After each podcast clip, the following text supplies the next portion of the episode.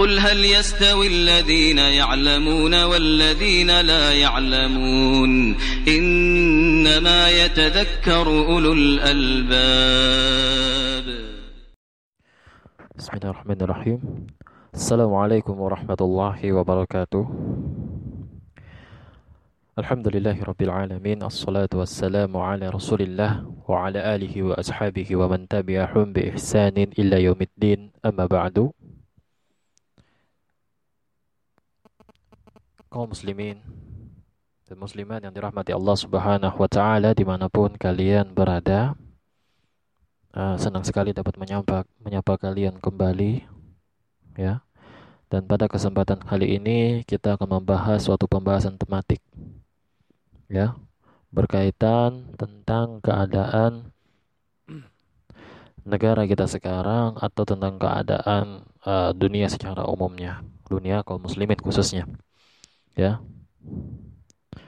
Sebagaimana kita telah ketahui ya beberapa waktu belakangan telah tersebar sebuah virus ya yang mana virus ini bukanlah virus yang bisa kita anggap remeh karena penyebarannya luar biasa cepatnya sehingga uh, lembaga kesehatan dunia pun mengatakan bahwa tingkatnya sudah pandemi. Artinya sudah menyebar ke seluruh penjuru dunia. Ya. Sehingga banyak negara-negara mengambil langkah lockdown istilahnya lockdown menutup uh, negara mereka, menutup akses ke negara mereka baik keluar maupun masuk dan membatasi uh, penduduk mereka untuk keluar rumah bahkan ya. Bahkan membatasi eh, penduduk mereka untuk keluar rumah artinya diisolasi di rumah mereka sendiri. Karena memang ini penyakit yang tidak bisa kita anggap remeh.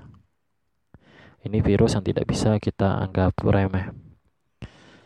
Dan sebagaimana penyakit itu pun telah sampai ke Indonesia dan sudah mendapat himbauan daripada para ulama ya ulama khususnya di Indonesia MUI Majelis Ulama Indonesia menetapkan uh, untuk menghentikan sementara kegiatan-kegiatan keagamaan di masjid entah itu ceramah uh, sholat Jumat dan menggantinya nanti di sholat juhur di rumah masing-masing dan sholat berjamaah bahkan. Artinya sementara waktu masjid ditutup dan ini untuk sementara. Dan ini pun juga dikuatkan oleh himbauan uh, waliul amr kita pemerintah kita yaitu Bapak Joko Widodo Hafizahullah Ta'ala.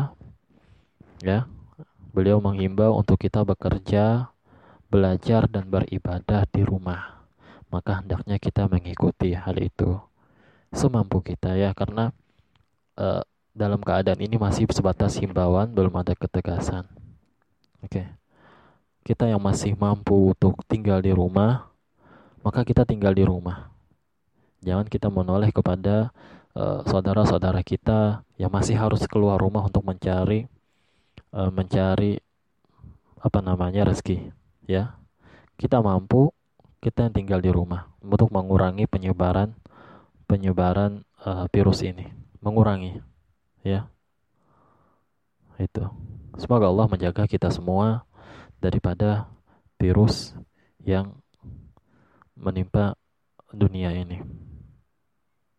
Ya, virus itu yang kita kenal sebagai novel COVID-19 atau virus corona ya virus virus corona semoga Allah cepat mengangkat wabah ini. Tentunya dengan kita berdoa ya. Dengan kita berbanyak zikir berbanyak berbanyak taubat. Agar virus ini cepat Allah angkat. Hmm. dan berdasarkan hal ini telah saya sebutkan tadi pemerintah telah memutuskan untuk uh, menangguhkan salat berjamaah di sebagian tempat yang tersebar begitu banyak. Mungkin sebagian tempat lainnya masih dilakukan salat jamaah. Itu tergantung kebijakan daerahnya masing-masing. Namun di sini saya berbicara tentang daerah yang sudah penyebarannya begitu luas ya dan pemerintah pun sudah mewanti-wanti untuk menutup e, sementara menangguhkan sholat berjamaah berkumpul-kumpul di masjid ya. Ini sebagai langkah tindakan pencegahan dari penyebaran penyakit menular. Dan ini pun sesuai dengan apa yang diajarkan oleh Rasulullah Sallallahu Alaihi Wasallam. Ya. Virus corona ini tidak main-main dan dia begitu cepat menyebar di seluruh dunia. Maka oleh karena itu, berdasarkan hal ini, maka mengharuskan kaum muslimin untuk melaksanakan sholat fardunya di rumah masing-masing. Ya, di rumah masing-masing. Maka oleh karena itu, di sini saya ingin menjelaskan, menyampaikan beberapa hal kepada saudaraku semua rahimani wa rahimakumullah ya tentang beberapa hukum yang berkaitan dengan sholat di rumah dan ini saya bikin tematik sekitar ada sekitar 10 pembahasan dan agar tidak terlalu panjang saya bagi-bagi. Dan ini pun pembukaannya saja sudah panjang ya sudah 6 menit. Dan mungkin pada kesempatan ini cuma satu pembahasan yang saya sampaikan ya. Sementara ada 10 pembahasan. Itu mungkin kita bagi nanti beberapa sesi. Saudara-saudariku yang dirahmati Allah Subhanahu wa taala, poin pertama ya, tentang permasalahan hukum sholat di rumah adalah termasuk daripada sunnah untuk kita menjadikan tempat khusus di rumah kita untuk mendirikan mendirikan sholat. Jadi di rumah kita hendaknya kita mempunyai tempat khusus di rumah di rumah kita tempat khusus untuk sholat. Yang mana tempat itu bersih ya tidak kita gunakan untuk yang lain. Hal itu kita kita gunakan untuk sholat kita kita jaga ya kita khususkanlah tempat itu untuk sholat kita. Uh, sebagaimana hadis dari ibunda kita Ummul Mukminin Aisyah an Aisyah qalat amara Rasulullah sallallahu alaihi wasallam bibina il masajid fit dur wa an tunazzafa wa tutayyaba. Rawahu Abu Dawud wa Tirmizi Rasulullah sallallahu alaihi wasallam dari ibunda kita Aisyah radhiyallahu anha Rasulullah sallallahu alaihi wasallam memerintahkan membangun masjid di perkampungan di rumah ya membangun masjid di perkampungan nanti saya jelaskan maknanya membangun masjid di perkampungan juga menjaga kebersihannya dan memberikan masjid itu wewangian. Sebagian ahli ilmu sebagian ahli ilmu berpendapat bahwa maksud dari ad-dar ya di sini dur ad-dur ini jamak dari ad-dar. Di sini adalah mahallu mahallul qabilah. Tempat tempat kabilah ya, tempat suku ya. Jadi di dalam satu suku itu hendaknya kita membuat satu tempat musola, tempat kita buat sholat. Yaitu kita membangun masjid di tempat itu. Di tempat bertempat kita tinggal di kampung kita. Dan berkata sebagian yang lain, berkata sebagian yang lain bahwa yang dimaksud dengan adur adalah tempat bersendiri. Menzilul fardi, ya, tempat sendiri, tempat tertentu eh, di rumah di tempat dia tinggal. Di tempat dia tinggal makna pertama adalah menjadikan sebuah tempat sholat di satu desa, di satu uh, kabilah atau ya satu perkampungan lah. Menjadikan satu tempat khusus menjadikan tempat sholat khusus di satu desa itu itu makna pertama. Artinya kita ada, ada mas, membangun masjid diperintahkan membangun masjid di di desa yang tidak ada masjid. Itu yang pertama. Dan pendapat yang kedua adalah membuat tempat khusus buat sholat di rumah kita musola. Ya tempat khusus di rumah kita. Dan ini yang kita bahas. Dan kaum muslimin dan muslimat yang dirahmati Allah Subhanahu wa taala dan tidak ada halangan ya. Tidak ada halangan bagi kita untuk membawa lafaz ini kedua makna tersebut. Karena tidak adanya kontradik kontradiksi antara keduanya antara kedua lawas itu tidak ada apa namanya pertentangan. Dan telah warid dari as-sunnah yang menguatkan menguatkan keduanya. Uh, Farawal Bukhari Imam Al-Bukhari meriwayatkan an Ibn ibn Malik an Ibn ibn Malikin wa huwa min ashabi Rasulillah sallallahu alaihi wasallam mimman syahida badran minal ansari ya. Dari Itban ibn Malik dia adalah seorang sahabat Rasulullah sallallahu alaihi wasallam salah seorang yang menyaksikan perang Badar. Dan dia dari suku Ansar dari kalangan Ansar ya annahu ata Rasulullah sallallahu alaihi wasallam faqala ya Rasulullah dia mendatangi Rasulullah Sallallahu Alaihi menghampiri Rasulullah Sallallahu Alaihi Wasallam dan berkata, Ya Rasulullah, kot angkar tu basari. Ya, mataku ini beliau buta, beliau seorang yang buta. Wa ana usalli liqaumi dan aku pun seorang imam dan aku mengimami kaumku. Ya, beliau buta, masya Allah, beliau penglihatan beliau kurang. Ya, ada kekurangan dalam penglihatan beliau, namun beliau juga seorang imam. Beliau katakan, "Fa'idza kanatil amtar salal wadi allazi baini wa bainahum." Ya. Apabila terjadi hujan, maka uh, danau ya.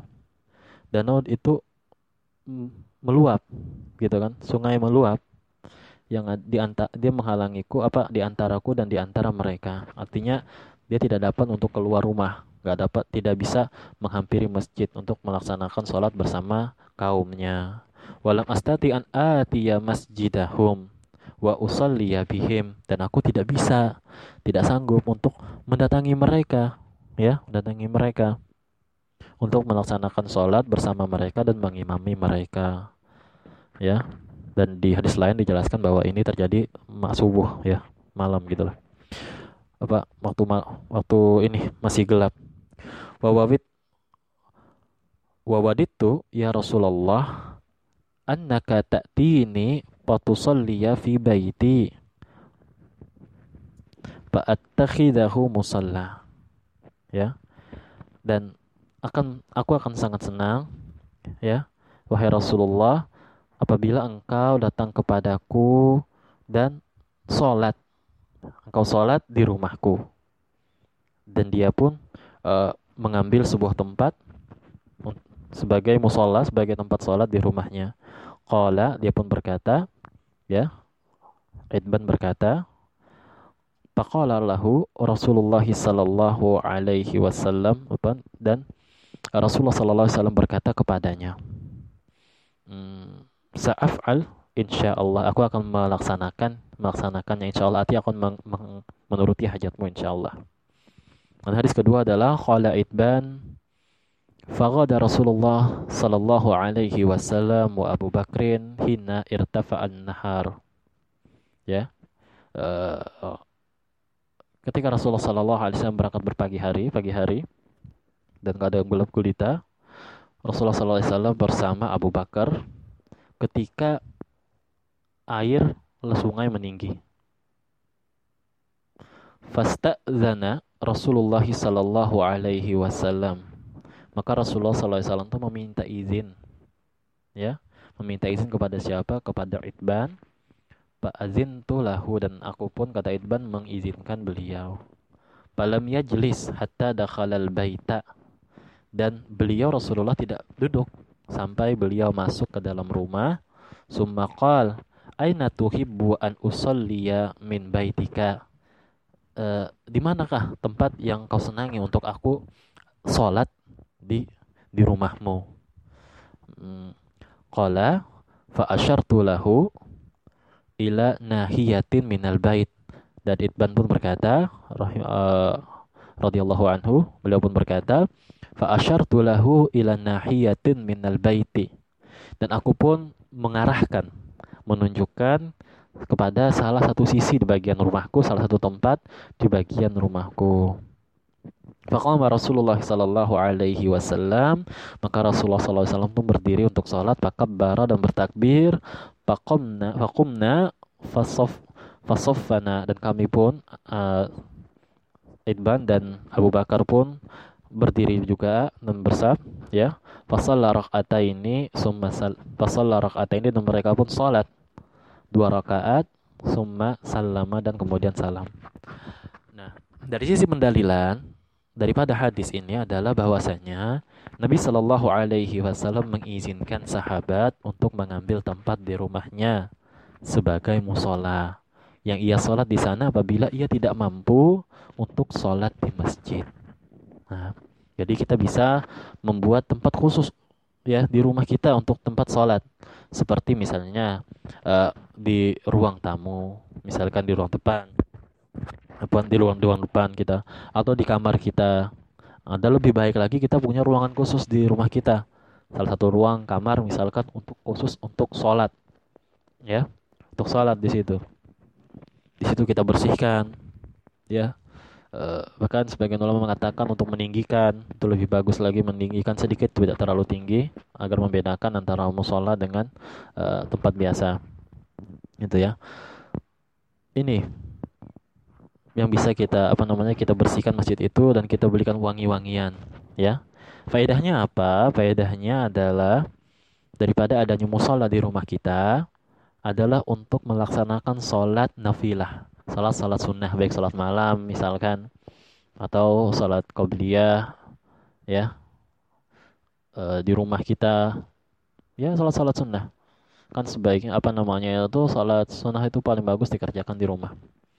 Nah atau kita buat istri kita, buat uh, saudari kita misalkan ya, buat ibu kita yang melaksanakan sholat wajibnya di rumah. Karena sholat wajib apa namanya bagi wanita tidaklah wajib untuk sholat di masjid, tetapi laki-laki wajib sholat di masjid. Nah, jadi buat sholat wanita dan juga sholat pawaid. Bisa jadi kita terluput dari sholat uh, berjamaah, ya ketiduran misalkan kita, nah kita melaksanakan sholat wajib kita mengkoda sholat kita di di di rumah tadi seperti itu. Nah, ini yang dapat kita sampaikan karena ini sudah terlalu panjang, ya. Poin pertama satu poin, nanti insya Allah kita sambung lagi kepada poin selanjutnya. Semoga dan kesimpulannya adalah untuk kita hendaknya membantu apa namanya uh, menjadikan salah satu tempat di rumah kita sebagai tempat khusus buat sholat, ya. Itu mungkin yang dapat kami sampaikan. Semoga mudah dipahami. Wassallallahu ala nabiyina Muhammad. Uh, Sallallahu ala nabiyina Muhammad. Assalamualaikum warahmatullahi wabarakatuh.